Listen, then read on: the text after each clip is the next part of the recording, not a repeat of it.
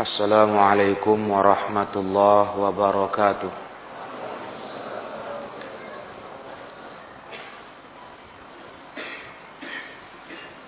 Innal hamdalillah nahmaduhu wa nasta'inuhu wa nastaghfiruh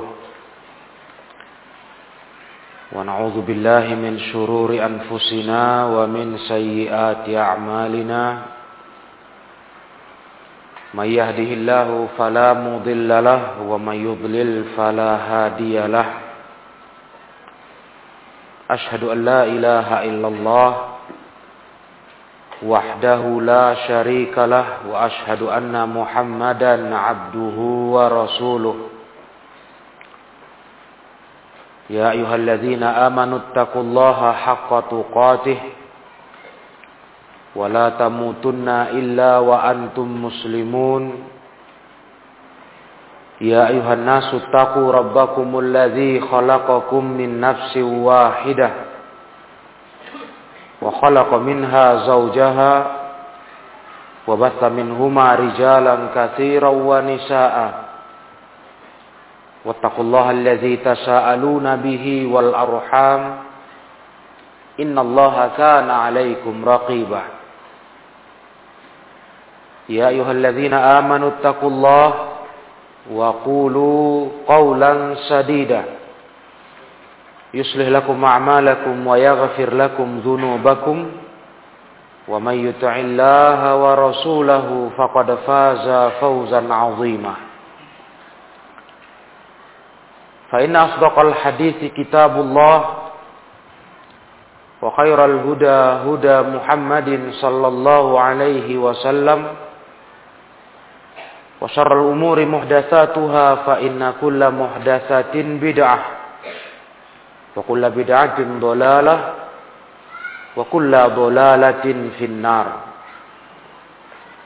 أما بعد Ikhwani Fiddin, kaum muslimin rahimakumullah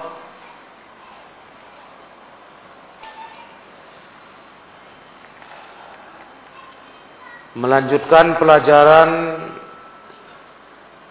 tentang akibat dari berbuat dosa. Akibat dari berbuat keburukan. Yang itu merupakan bahagian yang ketiga dari rangkaian pelajaran kitab Tahdzirul Bashar min Usulis Syar.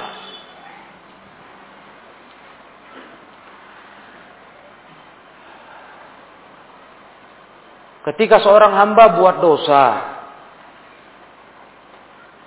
maka hukuman akibat perbuatan dosa itu ada dua macam modelnya. Ada hukuman berupa takdir kauni. Ada pula hukuman berupa hukuman syar'i. Itu garis besar. Hukuman untuk para pelaku dosa dari Allah taala. Adapun kalau ditinjau dari sisi bagaimana seorang itu merasakan hukumannya, maka itu pun terbagi dua.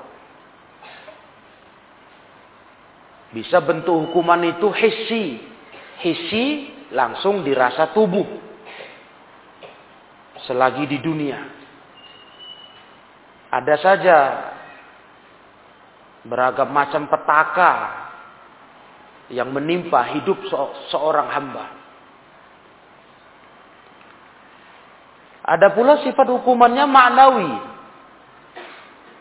Maknawi di sini ini menimpa batin.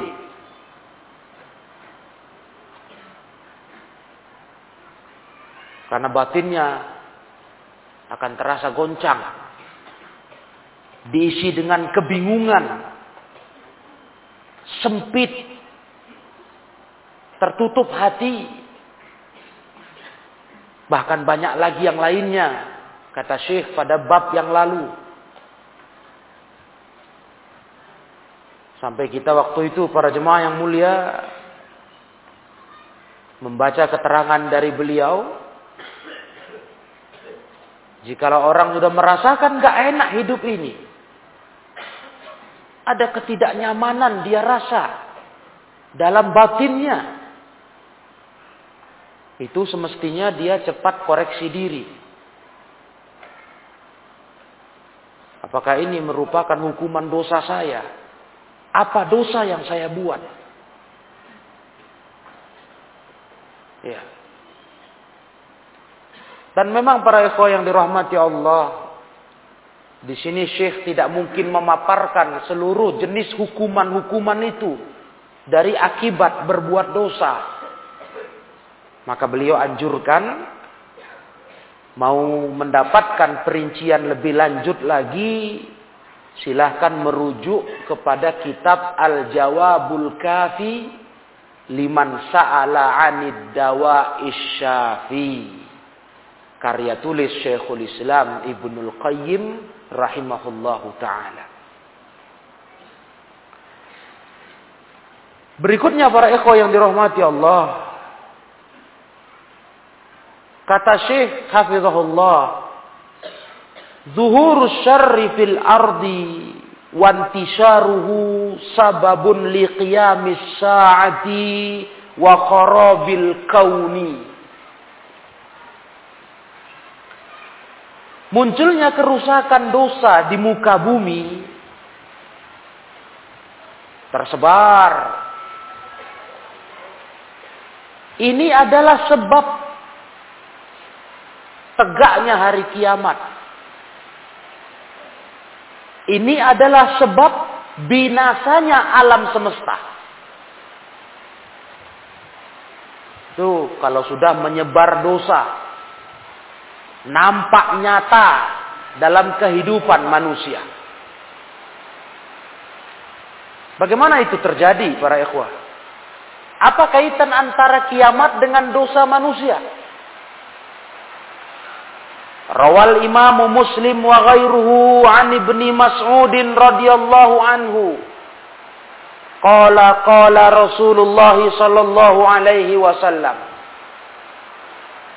Imam Muslim meriwayatkan begitu pula selain beliau dari sahabat Ibnu Mas'ud radhiyallahu taala anhu. Rasulullah sallallahu alaihi wasallam bersabda, La taqumu sa'atu illa ala syirarin nasi. Tidak akan tegak hari kiamat itu kecuali terhadap orang-orang manusia-manusia yang paling buruk, paling jahat, paling banyak dosa kepada Allah. Berarti semakin banyak orang buat dosa, itu semakin menunjukkan kiamat sudah dekat. Karena kiamat tidak mungkin tegak, tak mungkin terjadi. Kecuali ketika mayoritas manusianya adalah orang-orang pelaku-pelaku dosa. Tuh para ikhwah. Jadi ketika zaman yang kita jalani semakin nampak keburukan manusia semakin merajalela, ini pertanda kiamat dekat. Karena kiamat tidak mau tegak kecuali pada kondisi orang-orang seperti itu. Wa min hadis Anas radhiyallahu anhu berikutnya hadis Anas semoga Allah meridai beliau beliau berkata qala Rasulullah sallallahu alaihi wasallam Rasulullah bersabda La taqumu sa'atu wa fil ardi yaqulu Allahu Allah Tak akan mungkin tegak kiamat di muka bumi. Tak mungkin hancur alam ini. Kecuali di bumi ini sudah tak ada orang berkata, berucap Allah, Allah. Kalimat Allah pun sudah nggak diucap orang para jemaah. Karena sudah sangat buruknya tingkah manusia.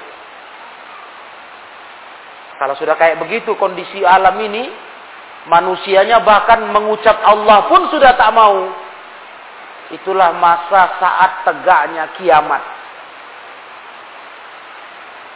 Jelas ini. Nah, hadis ini pun juga riwayat Muslim. Ini kan sudah menunjukkan puncak kerusakan. Hingga di bumi ini orang nggak ada ngucap Allah. Itu sangat rusak sudah. Nah, ini dia. Makanya kata Syekh tadi, sungguh menyebarnya kerusakan dosa di muka bumi itu menyebabkan datangnya hari kiamat. Wa fi hadisin Nawas ibni Sam'an at-Tawil. Begitu pula dalam hadis An-Nawas bin Sam'an. Hadis yang panjang. Apa kata Nabi SAW? Ini iz ba'asallahu rihan tayyibatan minal Yaman. Nanti menjelang kiamat itu Allah mengutus satu angin yang sangat bagus dari Yaman. Angin ini datang berhembus dari Yaman. Fatak budu ruha kulli mu'minin wa muslim. Angin ini berjalan di bumi untuk mencabut nyawa setiap orang mukmin, orang Islam. Dimatikannya semua orang Islam, orang beriman. Ini dia. Angin baik dari Yaman. Berjalan di muka bumi. Mencabut nyawa orang beriman. Orang yang masih ada keislaman dalam dirinya. Wayabokosirorun nasi. Maka yang tersisa orang-orang yang paling jahat. Paling jahat. Itu nggak mati ikhwah. Dilewati angin ini nggak mati. Kalau orang beriman lewat angin ini mati.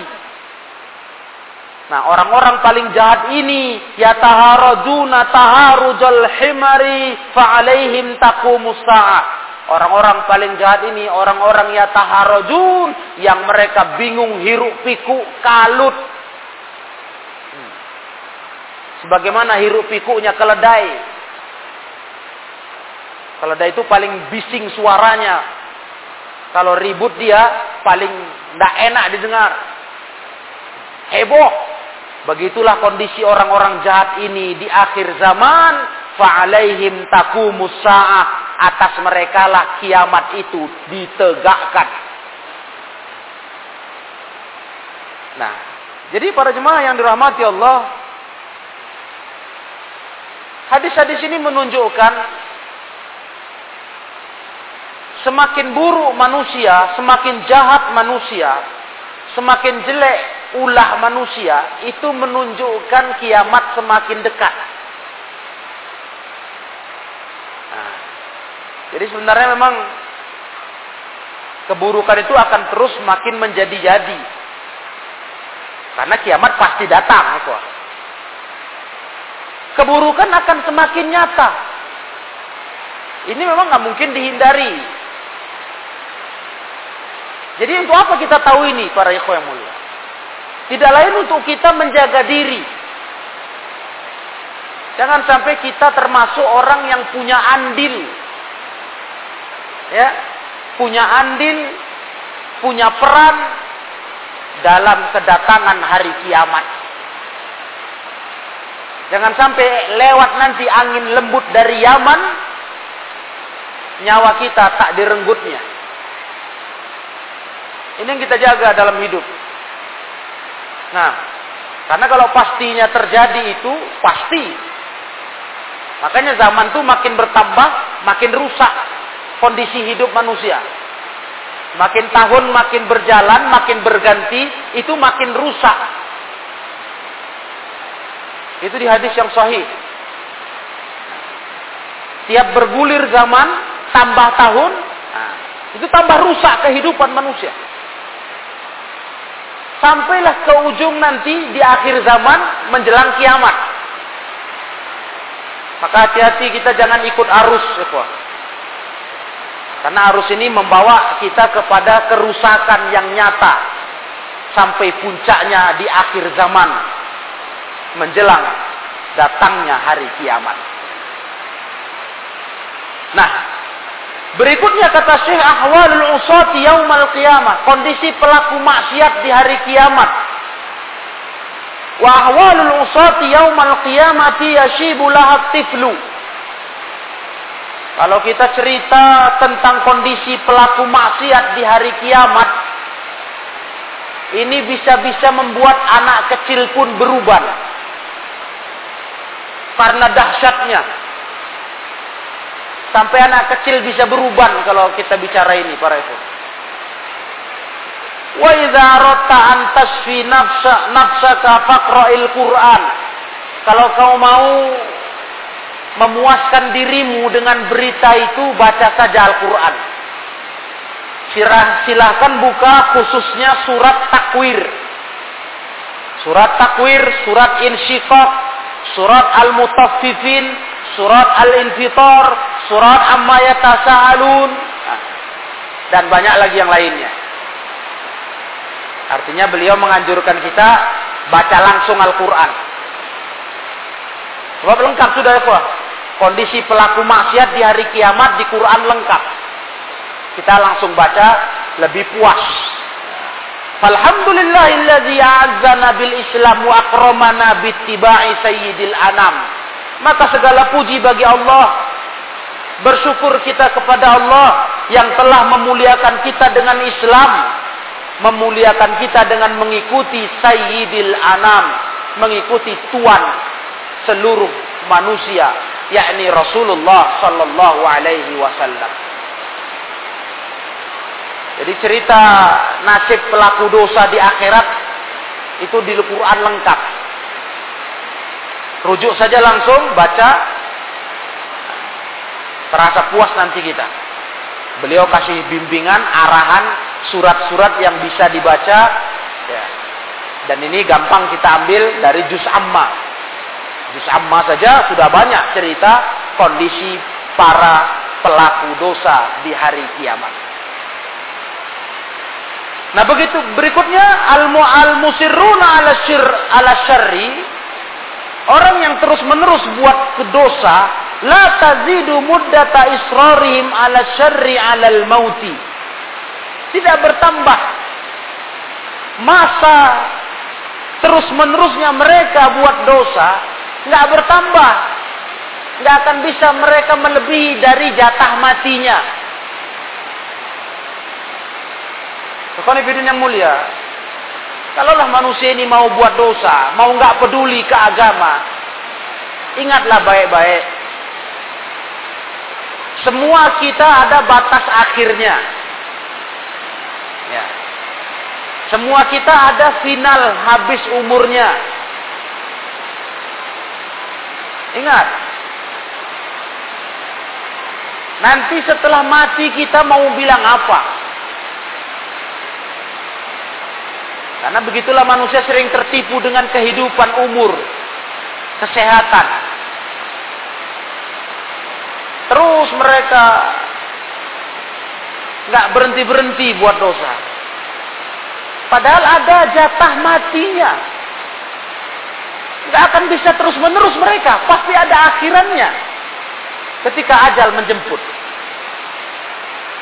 Elam ayuhal muslim. Ketahuilah wahai saudaraku muslim anna ashabas syarri wa humul usatu mutafawituna fi muddati baqaihim fi Ketahuilah wahai saudaraku muslim bahwasanya pelaku-pelaku dosa, pelaku keburukan itu yaitu para ahli maksiat. Mereka itu beda-beda masa hidup mereka di dunia. Beda-beda. Faminhum may yatubu ilallah qabla nuzulil maut. Ada yang taubat kepada Allah sebelum datangnya mati. Ada. Dan bersyukurlah dia kepada Allah ketika dia mau bertobat. Ada yang begitu. Dan ini orang beruntung. Dulu dia orang jahat, dulu ahli maksiat, Dulu orang yang nggak mau taat, sekarang tobat. Syukur kepada Allah. Wa minhum man yatamada bihi asyar ila huduril maut. Ada juga ikhwah. Di antara pelaku maksiat itu yang terus menerus buat dosa sampai menjelang mati. Ada. Sampai ajal sudah di depan mata. Masih juga buat dosa. Ada. Fa'inda hujumihi alaihi yahsul bihi i'lanu taqalli anis syarri.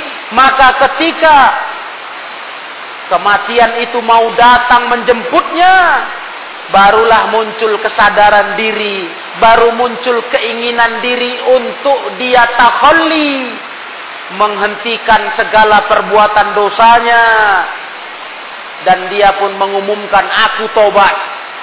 Ini menjelang mati.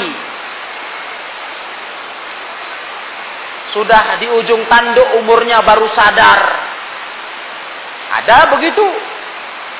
Wal mutalabah bil qabuli lahu indallah. Di waktu itu dia minta diterima taubatnya di sisi Allah. Ini orang yang suka menunda-nunda. Nanti ke nanti. Nah. Sedangkan ajal tidak terduga. Umur tak ada yang tahu. Begitu sudah mau mati, nyawa sudah di ujung tanduk, baru dia ngomong, aku tobat. Ya Allah, terima tobatku. Nah, para eko yang dirahmati Allah. Bagaimana kondisi orang ini? Wa in kanu fi ghairu maqbulin. Orang-orang ini di masa seperti itu sudah menjelang mati baru tobat tidak diterima Allah tobatnya. Tidak diterima Allah tobatnya. Jangan sampai seperti itu kaum muslimin yang dirahmati Allah. Sudah mau mati baru sadar. Baru mau kembali ke jalan Allah. Tidak diterima tobatnya. Jadi jangan tunda-tunda. Nah, jangan tunda-tunda, masya. Lihat kisah berikut ini. Qala Allah Ta'ala mukbiran an hali Fir'aun indal gharq. Tahukah ikhwah? Apa yang Allah ceritakan tentang Fir'aun? Fir'aun. Ketika dia mau ditenggelamkan Allah dengan laut merah. Tahu tidak? Fir'aun kayak mana kondisinya menjelang ditenggelamkan Allah. Perhatikan ayat ini. Simak. Kata Allah Ta'ala, Fir'aun berkata, Amantu annahu la ilaha illallazi amanat bihi banu Israel wa ana minal muslimin. Apa kata Fir'aun menjelang tenggelam? Aku beriman bahwasanya tak ada sesembahan yang berhak disembah kecuali yang beriman kepadanya Bani Israel. Dan aku termasuk orang-orang yang muslim. Mau mati para ikhwah. Pernah dengar belum? Rupanya Fir'aun itu menjelang tenggelam tobat tobat dia dia bilang, aku beriman kepada Allah yang disembah Bani Israel. Biar tahu kita. Menjelang mati Fir'aun yang sombong. Yang betul-betul merasa hebat. Bahkan menganggap Tuhan dirinya. Tobat. Tobat. Lihat ini. Allah kisahkan itu di surat Yunus ayat 90. Ya, surat Yunus ayat 90 taubatnya Fir'aun. Nah. Tapi apa kata Allah? Dengan taubat itu fakana raddu alaihi minallah Allah bantah taubatnya itu. Allah berkata, Al-ana wa qad asaita qablu wa kunta minal mufsidin. Sekarang baru kau ngomong begitu. Kau sudah maksiat dulu sebelumnya. Kau dulu sebelumnya termasuk termasuk orang yang merusak di muka bumi. Sekarang baru ngomong tobat. Fal yauma nunajjika bi badanika litakuna liman khalfaka ayah. Ya sudah, baiklah kata Allah. Sekarang kami akan selamatkan tubuhmu. Tubuhmu nggak akan binasa. Nah, tapi bukan untuk menolong dia ikhwah. Melainkan litakuna liman khalfaka ayah agar jadi tanda kebesaran Allah bagi generasi setelahmu. Makanya jasad Fir'aun utuh. Utuh para ikhwah. Sampai sekarang Allah katakan itu dalam surah Yunus ayat 91-nya sampai 92 Allah selamatkan badannya Makanya sampai sekarang jasad Fir'aun utuh. Awet. Tapi itu bukan bentuk pengkabulan atas taubat Fir'aun, tidak. Taubatnya sudah ditolak Allah. Karena sudah habis waktunya. Udah menjelang ajal, sakratul maut, baru tobat. Nggak berguna. Itu yang Nabi sabdakan, pintu taubat tak ditutup Allah kecuali dalam dua keadaan. Nah, hanya di dua keadaan pintu taubat ditutup Allah. Yang pertama, ketika terbit matahari dari barat, kiamat. Kalau sudah terbit dari barat matahari, nggak dari timur, kiamat sudah. Yaitu pintu taubat tutup. Nah, yang kedua para ikhwah, ketika nafas di kerongkongan. Mau mati.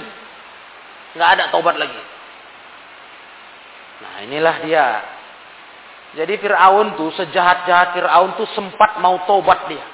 Minta diterima Allah, tapi Allah tolak. Karena terlambat. Masyarul ikhwah yang mulia.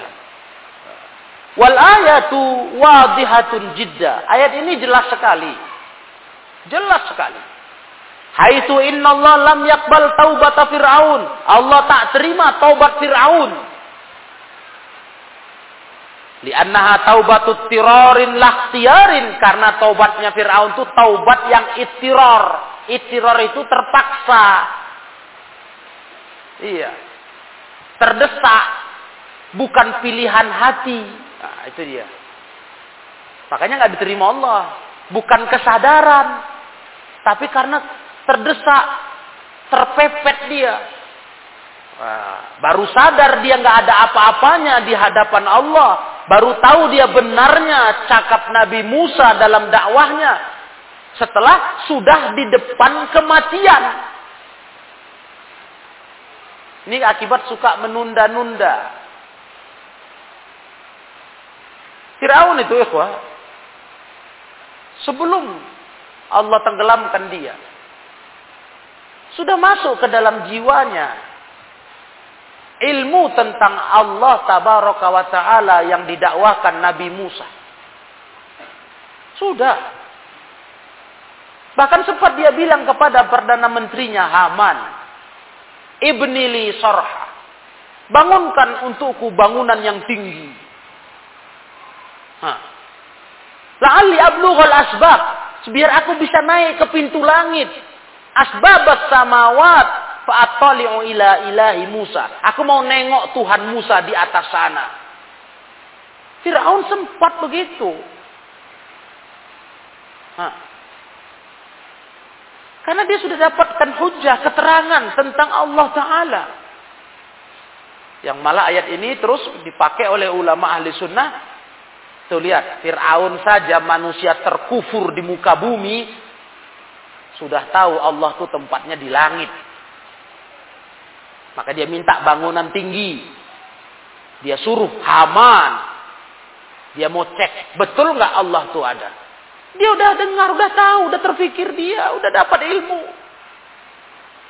Begitu kata ulama. Unik kalau seorang muslim bahkan seorang terpelajar, berpendidikan, tokoh, nggak tahu Tuhannya di langit. Paten Fir'aun dari dia itu.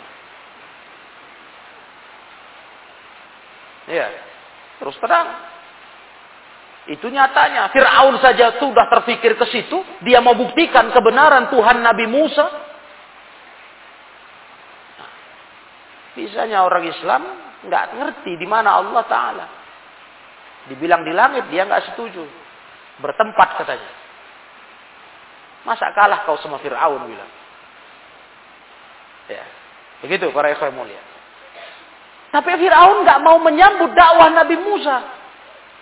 Akhirnya Allah timpakan kepadanya kematian dengan mengerikan. Ditelan laut. Nah, baru sadar. Menjelang tenggelam, baru sadar. Sadarnya bukan sadar karena karena hati yang mau menerima agama, tapi karena keterdesakan. Allah tolak tobatnya. Wa taubatul ittirar takunu inda nuzulil nuzulil azabi wa muayanati. Tobat yang sifatnya terdesak itu memang terjadinya ketika sudah terjadi turun azab, sudah nampak azab di mata dia. Itu bentuk tobat terdesak. Terpaksa. Sadarnya belakangan. Nah itu nggak bisa. Karena kondisi yang udah sangat dahsyat dia tengok azab itu, dia saksikan kengeriannya, nah baru cerita tobat. Ini nggak berguna. Nah, inilah kondisi manusia yang kedua. Ya, kondisi manusia yang akhirnya tobatnya menjelang mati, tapi sia-sia tobat itu. Tak ada faidahnya. Makanya kalau cerita tobat ikhwah, cerita buat kebaikan, cerita meninggalkan ke keburukan, itu segerakan saja. Sebab kita nggak tahu ajal tiba kapan. Cepat saja jemaah yang saya muliakan. Sambut. Sambut pintu tobat itu. Masuki terus. Kalau udah sadar kita punya dosa. Karena nggak bisa ditunda. Ya, kematian nggak ada yang duga. Firaun nggak duga dia akan mati dengan hina di laut merah. Nggak duga dia. Karena dia merasa sebagai satu uh, raja, seorang raja dengan satu kekuasaan yang begitu hebatnya, kerajaan yang begitu hebat dan agungnya, nggak duga dia mati dengan tragis. Jadi kita jangan begitu ya. Jangan berpikir waktu masih panjang. Kesempatan hidup masih lama. Masih bisa kita atur berapa tahun lagi baru taubat. Nggak bisa begitu. Kita nggak duga-duga umur ini kapan berakhirnya.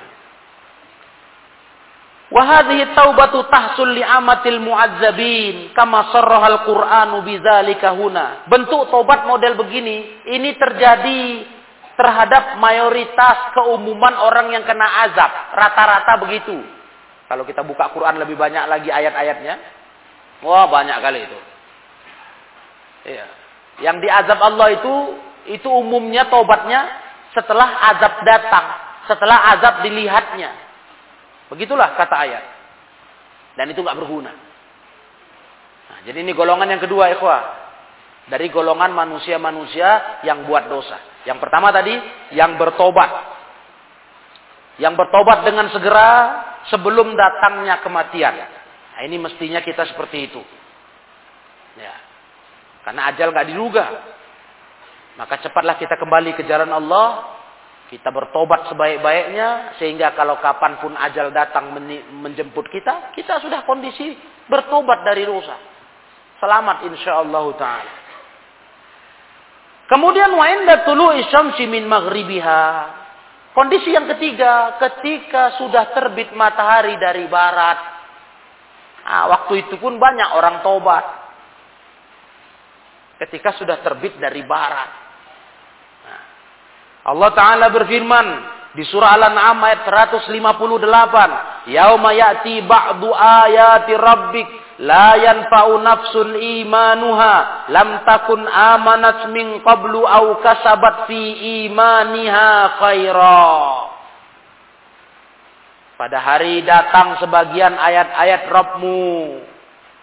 Di antara ayat-ayat Rabbmu yang dimaksud di ayat ini apa itu? Datang terbitnya matahari dari barat. Tegak kiamat. Di saat itu kata Allah tidak bermanfaat satu jiwa akan keimanannya yang mana sebelumnya dia belum beriman.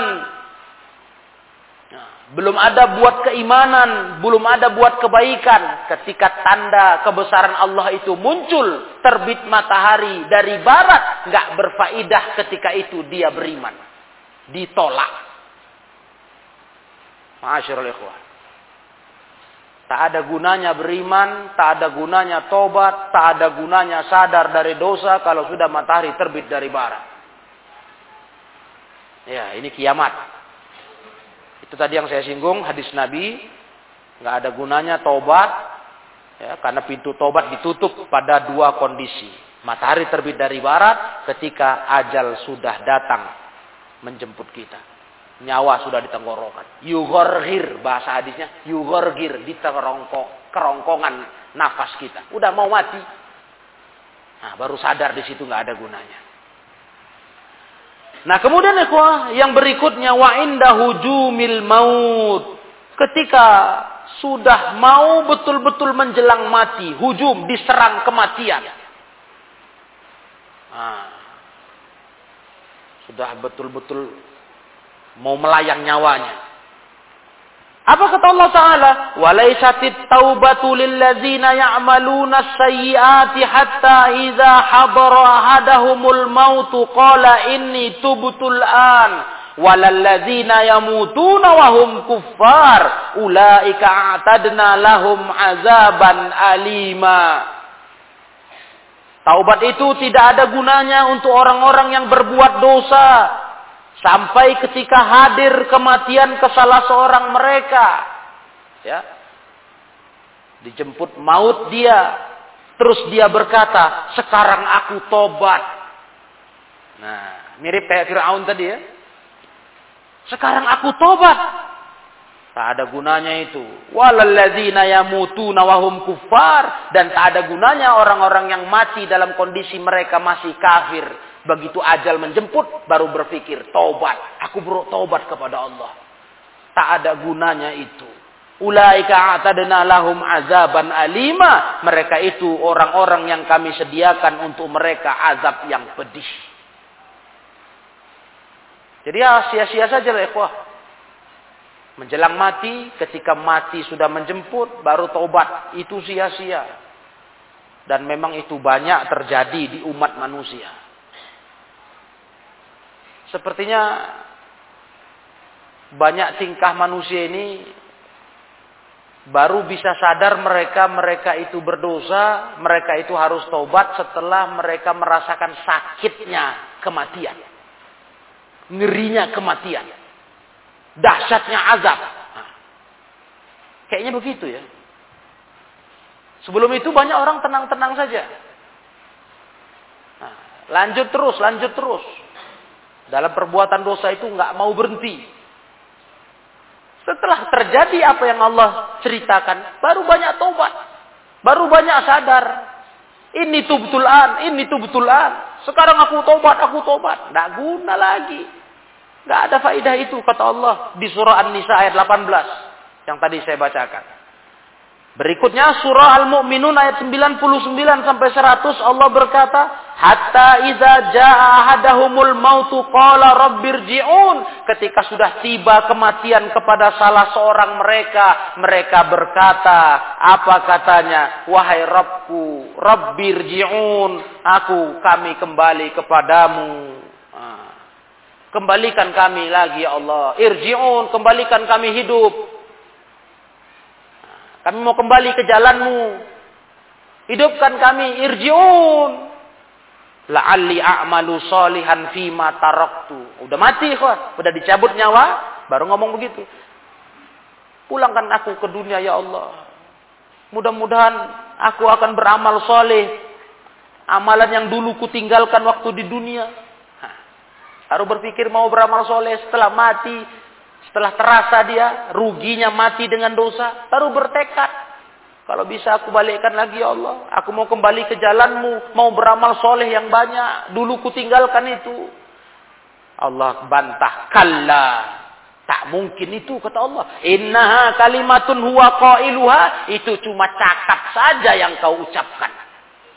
Karena andai kata pun dikembalikan ke dunia orang-orang seperti ini. Tak juga tobat. Tak akan tobat. Makanya Allah bantah dengan ucapan Allah Ta'ala. Kalla innaha kalimatun huwa qailuha. Itu cuma cakap saja yang dia ucapkan. Ya beginilah kondisi manusia. Na'udzubillah. Makanya sebelum itu terjadi kaum muslimin yang dirahmati Allah, mari kita taubat. Keburukan-keburukan dosa-dosa yang kita belajar cukup lama dalam kitab ini. Usulus syar. Ya, cobalah berusaha. Kita memang nggak akan mungkin jadi orang suci ya.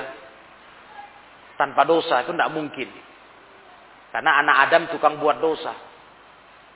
Tapi kita bisa menjadi orang yang berusaha untuk berhenti dari dosa, mengurangi dosa, tobat dari dosa, bisa.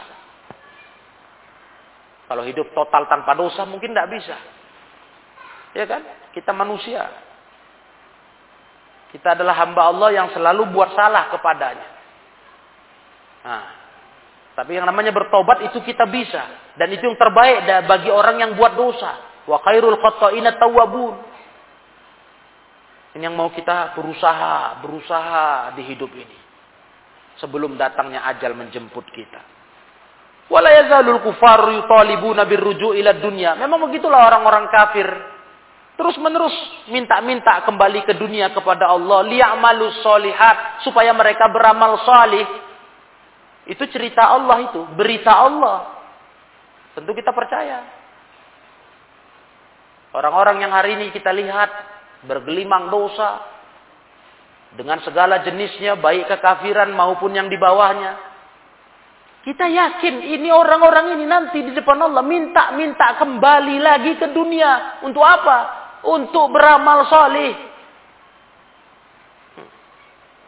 Itu kata Allah. Minta-minta itu nanti mereka. Kalau sudah mati, minta balik ke dunia mau beramal saleh. Padahal walau roja'u la'adu ilal ma'asi wa.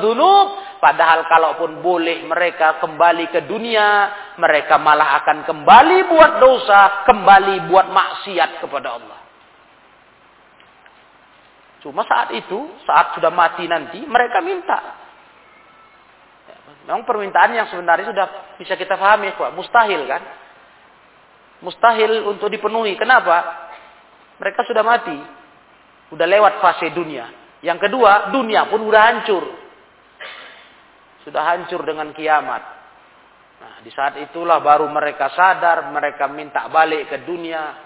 Ya Allah. Para jemaah yang dirahmati Allah. Nah, dahsyat memang. Azab Allah itu besar.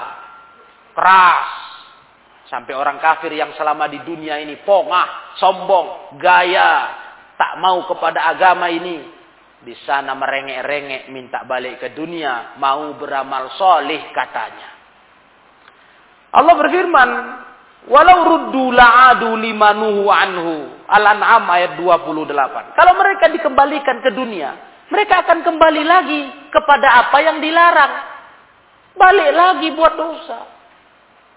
Kalau betul dipenuhi Allah mau mereka minta hidup lagi, balik ke dunia. Bukan nanti setelah balik lagi tobat enggak. Mereka akan balik lagi kata Allah buat apa yang dilarang kepada mereka. Begitulah orang-orang ini. Jadi tobatnya itu saat itu saja. Sudah nampak dia dasarnya siksa Allah. Neraka Allah baru cerita tobat. Itu apa gunanya?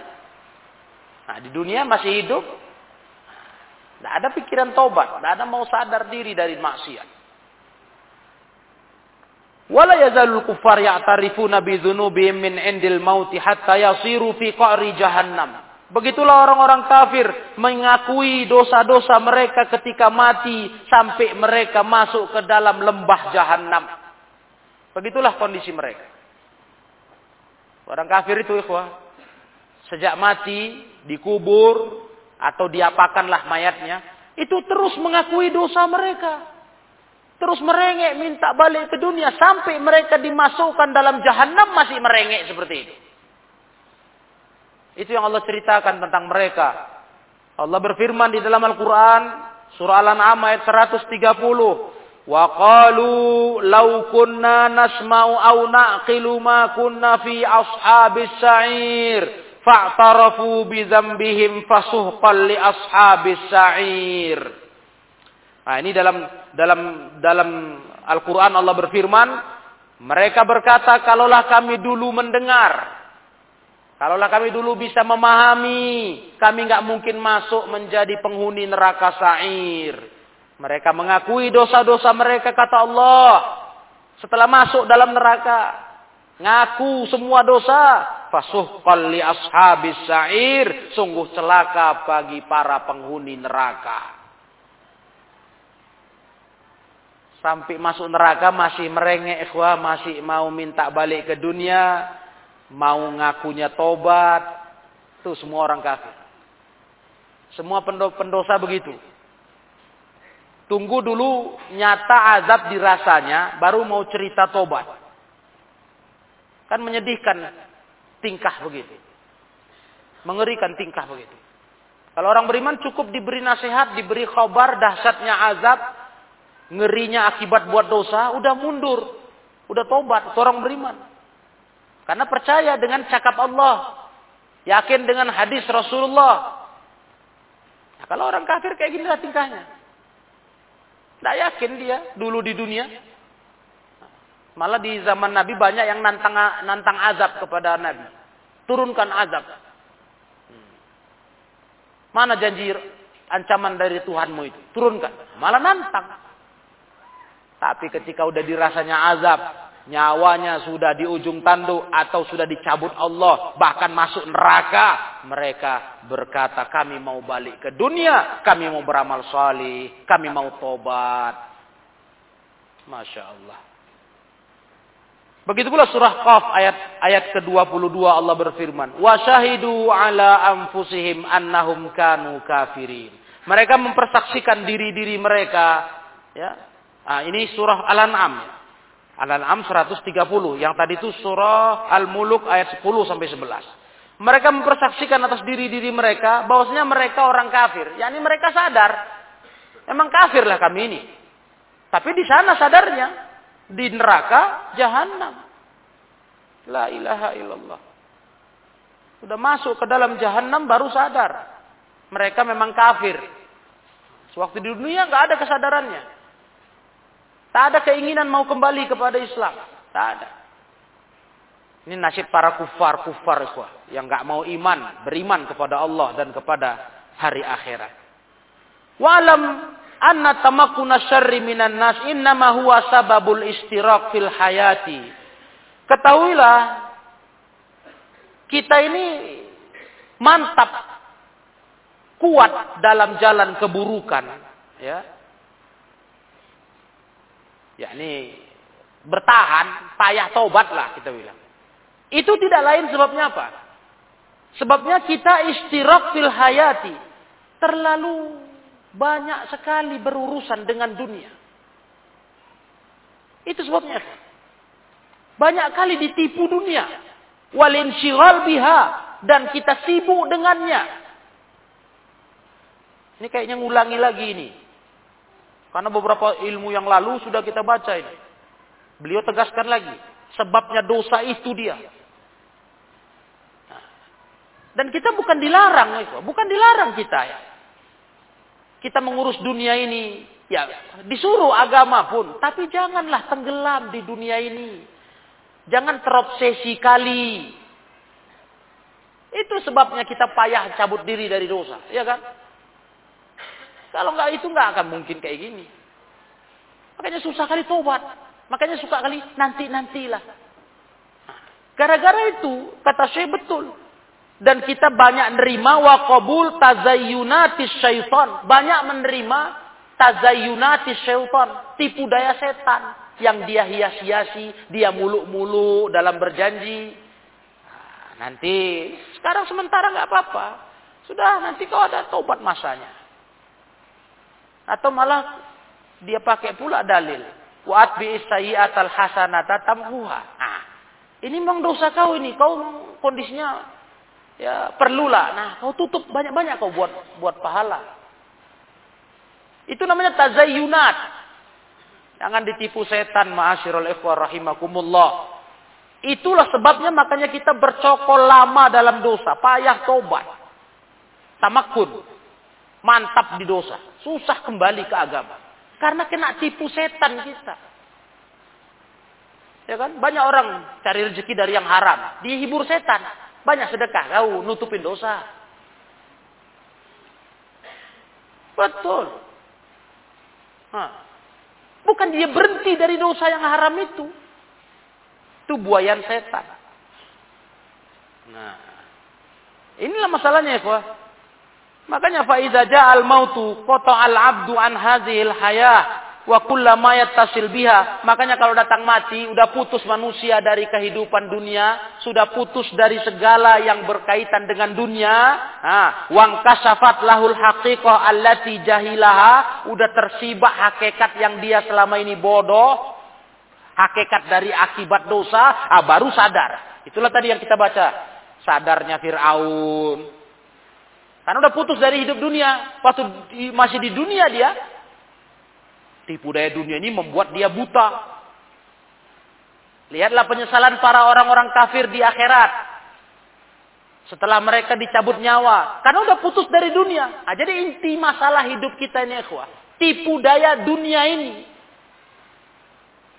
Makanya udah mati, udah nggak ada lagi obsesi dunia, ah, baru sadar diri. Itulah hebatnya. Tipuan dunia ini dahsyat kali. Makanya Rasulullah SAW ingatkan kepada kita, wat takut dunia, takut kalian sama dunia, hai umat Islam. Fitnah dunia ini besar, besar. Makanya hidup dunia ini, ikhwah, jangan lupa sajalah terhadapnya. Jangan tergila-gila. Kalau udah kena penyakit tergila-gila dunia, terobsesi, ini payah cerita ke belakang nanti. Udah nggak ada lagi batasan syariat dalam hidup ini. Inilah dahsyatnya dunia kalau menipu kita. Ya. Kita harus cari dunia bukan dilarang, disuruh. Kita butuh hidup karena kita masih hidup. Tapi jangan jadikan dunia ini tujuan utama, tujuan akhir dalam hidup kita. Sehingga apa pun caranya saya harus dapat. Nah, ini yang bahaya. Ya kan? Jujur saja ikhwan fillah yang dirahmati Allah tabaraka wa taala. Kalau cerita masalah dunia ini, kalau kita ambil satu contoh. Sebenarnya nggak usah kita sentuh yang haram pun. Hidupnya kita. Hidup. Nggak usah kita sentuh yang haram. Dengan cara bermuamalah. Dengan menipu, menzolimi orang, bermain riba, atau mengambil harta orang, mencuri, dan sebagainya. Hidup juga, hidup. Cuma tadi, kita bukan sekedar mau butuh hidup, kita banyak yang mau dipenuhi dari gaya hidup. Itu masalah kita. Terlalu banyak angan-angan, keinginan. Nah, ini masalahnya. Sehingga kita demi mencapai menggapai itu, ah, kita tabrak semua agama. Jadi betul kata Syekh. Sah betul. Nggak diragukan lagi memang semua ini akar masalahnya adalah al-istiraq fid dunya wal insyighal biha wa qabul tazayyuna syaitan. Karena kita terlalu berkecimpung kali dengan dunia, melebihi kebutuhan pokok. Melebihi kebutuhan pokok. Nah, itu masalahnya. Dan kita memang sudah terlalu sibuk dengan dunia. Rakus sekali sudah. Begitulah ikhwah. Itu nyata. Dan apakah saya bicara ini para ikhwah yang dirahmati Allah tabaraka wa taala ini merupakan sebuah teori yang hanya dalam pikiran belaka? Tidak. Maka saya katakan tadi ini mengulang yang lalu udah banyak dalil yang kita baca. Ya begini kenyataan. Dunia ini semua faktornya. Jadi kalau mau selamat dari dosa, ah, dunia ini yang harus pelan-pelan kita batasi. Karena dengan yang halal aja udah cukup sebenarnya, Jujurlah. Kalau mau jujur kita. Yang halal diberi Allah kecukupan. Nggak perlu yang haram lagi. Sumber pintu dosa ini gara-gara dunia. Karena ngejar dunia. Di sinilah banyak jatuh kita dalam dosa. Fitnah dunia.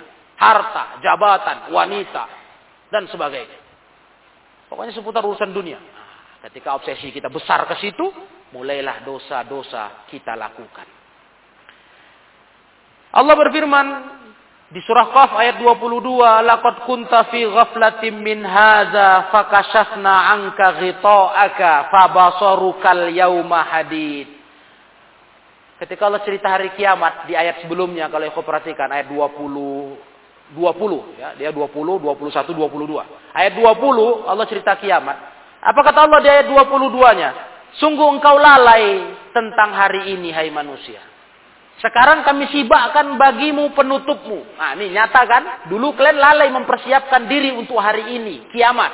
Sekarang kami bukakan fakta ini betul terjadi. Fabasarukal yauma hadid di hari ini baru terasa tajam pandangan matamu. Kalau dulu kayak buta kau cerita kiamat, cerita akhirat. Ah sekarang udah kami buka, Hah, baru nampak. Baru nampak matanya tajam, baru sadar, baru normal otaknya, baru tobat ke Allah. Tapi semua sia-sia. Jadi begitulah kaum muslimin rahimakumullah. Kajian ini adalah kajian bagian yang terakhir dari kismus salih. Bagian terakhir dari bagian ketiga. yakni akibat dari berbuat dosa. Nah, kajian yang berikutnya nanti Al-Qismur Rabi. Nah, itu akan kita bahas di kajian yang akan datang insya Allah. Mudah-mudahan kajian yang ketiga ini, bagian yang ketiga, bisa menyadarkan kita ya tujuan utamanya kita bertobatlah dari dosa, berhenti karena mikirkan akibat, mikirkan kerugiannya, mikirkan nasib buruk kita. Berusaha. Saya ngajak ikhwan ini dalam arti berusaha. Berusaha. Kalau nggak di, diusahakan nggak bisa. Ditunggu berjalan waktu aja, nggak bisa. Nanti terlambat. Terlambat nanti. Nantilah cerita itu tobat kita bilang. Tunggu berjalan waktu aja lah. Nanti ada masanya aku tobat. Nanti terlambat. Itu yang saya maksudkan nih dengan bahasan ini. Jadi sama-sama saya ngajak kita bertobat. Tobat segera. Akibat dosa ini sungguh mengerikan. Dari dunia sampai akhirat. Kan itu dia full kajian bagian ketiga ini beberapa pertemuan. Ya kan? Mengungkapkan dahsyatnya dosa di dunia sampai ke akhirat. Akibatnya mengerikan. Nah, jadi kita segera. Itu intinya. Jadi makin hari hati-hari kita makin baik. Makin menjelang mati makin baik. Nah, itu maksudnya. Makin bagus, makin lurus. Nah, mudah-mudahan pas datang tiba ajal. Kita dalam posisi orang-orang yang sangat sedikit kecil buat dosa. Nah, inilah harapan besar kita menutup umur dengan husnul khatimah. Ya, demikian para ikhwah, kita cukupkan sampai di sini. Semoga ini bermanfaat. Wallahu a'lam bissawab. Wa akhiru da'wana anil rabbil alamin. Wassalamualaikum warahmatullahi wabarakatuh.